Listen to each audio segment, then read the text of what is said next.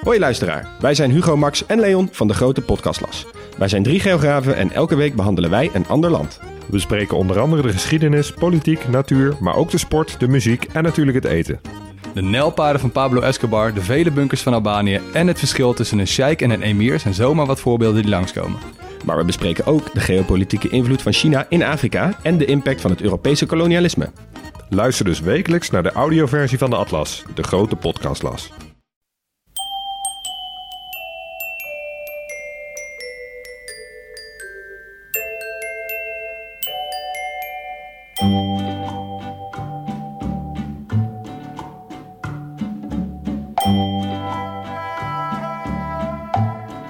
Welkom bij aflevering 214 van Echt Gebeurd. De podcast waarin waargebeurde verhalen worden verteld door de mensen die ze zelf hebben meegemaakt. In deze aflevering een verhaal dat Caspar van Rooyen in september 2017 bij ons vertelde. Tijdens een verhalenmiddag rond het thema Terug naar school.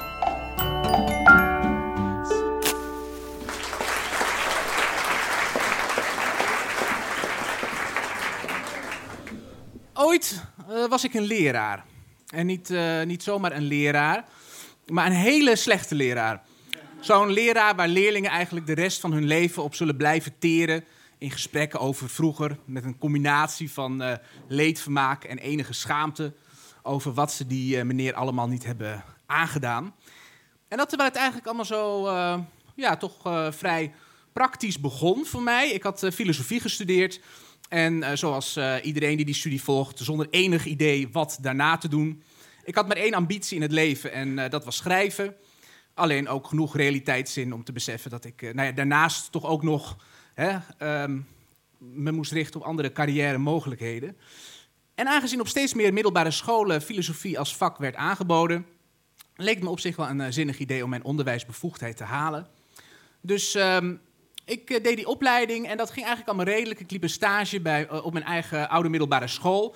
Um, dus dat was ook allemaal vrij vertrouwd. Maar ja, toen begon het echte leven om het zo maar te zeggen. Ik werd aangenomen op een school waar het vak filosofie nog in een experimentele fase verkeerde. Ik zou één klas dat vak geven. En ik had zelf eigenlijk helemaal de vrijheid om, om in te vullen hoe ik dat wilde. Maar nu ik daar toch was, vroegen ze me of ik dan meteen ook acht brugklassen Nederlands kon geven. En ehm, nou ja, ik dacht, nou ja, goed, daar ben ik dan wel niet bevoegd toe. Maar uh, ja, God, lezen, schrijven, dat zijn toch mijn, uh, ja, mijn grote liefdes. Hoe moeilijk kan het zijn? Um, maar goed, er bleek al gauw eigenlijk dat uh, ja, bepaalde basale grammaticale regels overbrengen aan pubers die gevangen zitten in een, in een lokaal tegen hun zin. Ja, dat dat misschien nog wel een vak apart is. Dus ik kreeg te maken met met grote ordeproblemen. Aanvankelijk niet in die ene klas uh, die ik filosofie gaf. Misschien omdat ik daar uh, hè, wat, wat zekerder stond. Misschien omdat zij ook wel wisten dat, het, dat ze onderdeel waren van een experiment. Ehm, maar goed, al gauw op een klein schooltje. als je een reputatie krijgt als, als leraar, dat verspreidt zich natuurlijk als een olievlek. Dat ze in die lessen van meneer Verrooyen, dat, daar, dat het daar feest was. Dat daar zeg maar echt van alles kon gebeuren. Um, en uh, nou ja, hoe zagen die ordeproblemen er dan uit? Um, aanvankelijk was het allemaal nog vrij, uh, nog vrij onschuldig. Uh, punaises in de koffie, obscene tekeningen op je rug. En dat je daar dan aan het eind van de dag achter komt dat je daarmee hebt rondgelopen. Maar ja, op zeker moment begon het toch steeds kwaadaardigere vormen aan te nemen. Dus op het moment dat ik mij omdraaide om iets op het bord te schrijven... ik moet toegeven, daar kon ik misschien ook wel weer relatief lang over doen omdat, uh, nou ja, ook, ook een techniek op zich, met zo'n krijtje omgaan. Maar dat dan in de tussentijd uh, ja, eigenlijk al die tafels een stukje naar voren gingen. Zodat elke keer dat ik me omdraaide, de leerlingen weer iets dichterbij zaten. In een, ja, in een poging om mij langzaam gek te maken. Um, en uh, op zeker moment had ook een klas bedacht dat het leuk zou zijn om gedurende mijn gehele les allemaal hun multimap over hun hoofd te hebben. Um, en ja, op zeker moment, ja, um, omdat ze maar niet naar mijn woorden luisterden, tikte ik een aantal toch op de schouder met het vriendelijke verzoek of ze daarmee wilden ophouden.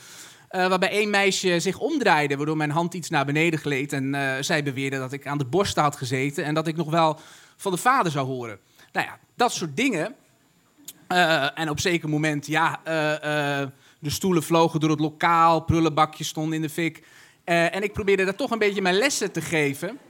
Ik kon, het, ik kon er aan de ene kant allemaal wel een beetje de humor van inzien. Ehm, dat was misschien ook wel weer onderdeel van het probleem. Dat ik er als het ware een beetje, beetje afstandelijk in stond, om het zo maar te zeggen. Maar ik merkte toch ook wel dat ik het, ehm, eh, ja, dat ik het toch ook wel echt, het echt vervelend begon te vinden. Ik begon steeds meer te drinken in de avonturen om mezelf moed hè, in te spreken voor de volgende dag. Dat ik dan alles allemaal helemaal anders zou doen. Eh, ik, begon, eh, ik begon steeds meer hamburgers te eten. Ik eh, raakte in een depressie. Ik ging in therapie.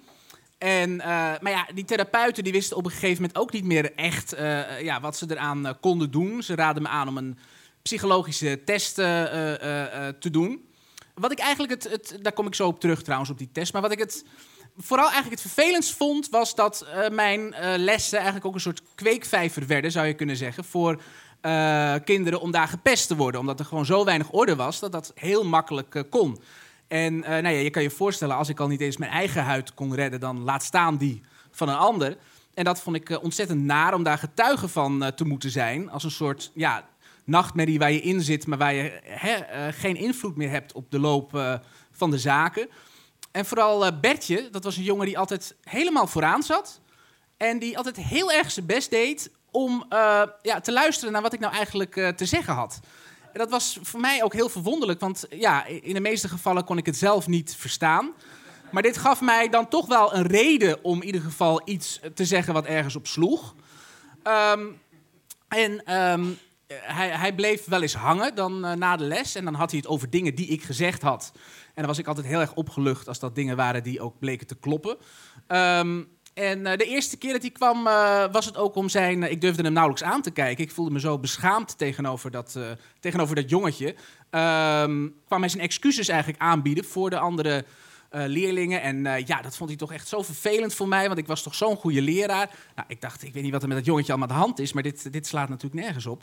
Maar ik was ook wel. ehm, ja, ik, ik voelde me toch ook wel, eh, ook wel vereerd. Dus hij bleef steeds vaker. En als ik dan probeerde eh, het, het lokaal weer in zijn oorspronkelijke staat terug te brengen, dan hielp hij daar ook wel eens een, eh, een, handje, een handje mee. En op zeker moment eh, zei hij dat hij toch wel moeite had met begrijpend lezen. En of ik daar een keer eh, met, eh, met hem aan kon eh, gaan zitten. Dus we, we spraken een eh, moment af. En het bleek al heel gauw dat Bertje een heel slecht acteur was. Want hoezeer hij ook zijn best deed om de tekst niet te begrijpen, bleek al gauw dat er ja, met zijn begrepen lezen gewoon niet zoveel aan de hand was. En toch besloten we om deze bijeenkomsten wekelijks voor te zetten. En de ene keer nam hij koekjes mee, de andere keer deed ik dat. En bij het begin haalde hij voor de vorm nog wel eens de boeken uit zijn tas. Maar eh, het ging eh, al gauw over heel andere dingen dan Nederlands. Hij was nieuwsgierig naar mijn eigen vak, filosofie, wat zijn klas dus niet had, of ik daar meer over kon vertellen. Eh, dus ik kon eindelijk echt lesgeven. Maar hij vertelde ook persoonlijke dingen over zijn moeder die ziek was, over een meisje waar hij verliefd op was, of ik nog tips voor hem had.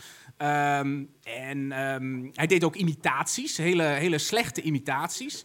Hij had nog wel een aardige Gordon in huis, maar ja, daar zat ik dan eigenlijk een beetje bij te komen van, eh, ja, van zo'n zo'n enorm vermoeiende dag. En eh, dat, ontroerde mij, eh, dat ontroerde mij zeer, dat zo'n zo'n jongetje dan zo'n act voor mij opvoerde. Ehm, nou ja, inmiddels werden er eigenlijk steeds meer klassen onder mij vandaan gehaald. Uh, dus ik kwam eigenlijk voor steeds minder werk naar die school toe. En, maar ik begon me steeds meer te richten op die, uh, ja, op die bijeenkomsten voor Bertje. Dat ik nog hè, in ieder geval iets, um, iets zinnigs deed. En uh, inmiddels was ook de uitslag uit die test gekomen. En die psychologe zei van, nou ja, je hebt inderdaad een persoonlijkheidsstoornis, maar daar is eigenlijk niet zo heel veel mee aan de hand. Daar kan je heel veel dingen mee doen. Daar zijn mensen eigenlijk best wel ver mee gekomen. Er is alleen één ding die je beter niet kunt doen. en dat is nou juist hetgeen wat je nu doet.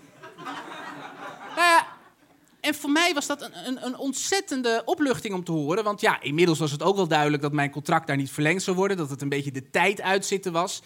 En inmiddels begon ik me al af te vragen, dat hele ideetje wat ik toen had gehad van uh, het leraarschap, of dat niet gewoon een vergissing was geweest. Nou ja, nu hoefde ik me in ieder geval uh, niet meer het gevoel te hebben dat ik uh, gefaald had. Het lag simpelweg buiten, buiten mijn, eh, mijn mogelijkheden. Dus dat was eh, wel een geruststelling. En de, nou ja, de, de tijd die nog resteerde op die school, eh, ja, ging ik eigenlijk fluitend naar mijn werk. Ik uh, bereidde helemaal niks meer voor voor die les. Ik zette gewoon alleen maar slechte films op. het enige waar ik nog wat aan deed, was iets moois te maken van die lessen voor Bertje. En toen het schooljaar afgelopen was, kreeg ik een lange mail van de ouders van Bertje dat, zij, nou ja, dat hun zoontje een, best een moeilijk jaar had gehad. Het heel lastig, lastig vond om naar school te gaan. Maar dat ja, ik er toch voor gezorgd had dat hij dit jaar was doorgekomen. En dat het echt een lichtpuntje voor hem was in de week die bijeenkomsten met mij. En nou ja, ik kon hen terugmailen dat omgekeerd dus exact hetzelfde gold.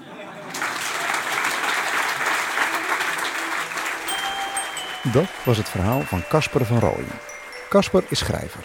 Hij debuteerde in 2016 met En toen kwam Annika. Een boek over de sociale ongemakken die het krijgen van een kind met zich mee kan brengen. Over zijn vaderschap en meer vertelde hij trouwens eerder bij Echt Gebeurd. Dat verhaal kun je horen in aflevering 148 van onze podcast. Op dit moment werkt Casper aan een tweede boek, waarin geen kinderen voorkomen. Echt Gebeurd is een verhalenmiddag die elke derde zondag van de maand plaatsvindt in Comedy Club Toemler in Amsterdam. Op 15 september begint ons nieuwe seizoen. Het thema van die dag is huisgenoot. En volgende maand is het thema littekens. En in november is het thema met de auto. Heb je een goed verhaal bij een van die thema's? Of ken je misschien iemand die een goed verhaal heeft? Meld je dan aan via onze website echtgebeurd.net.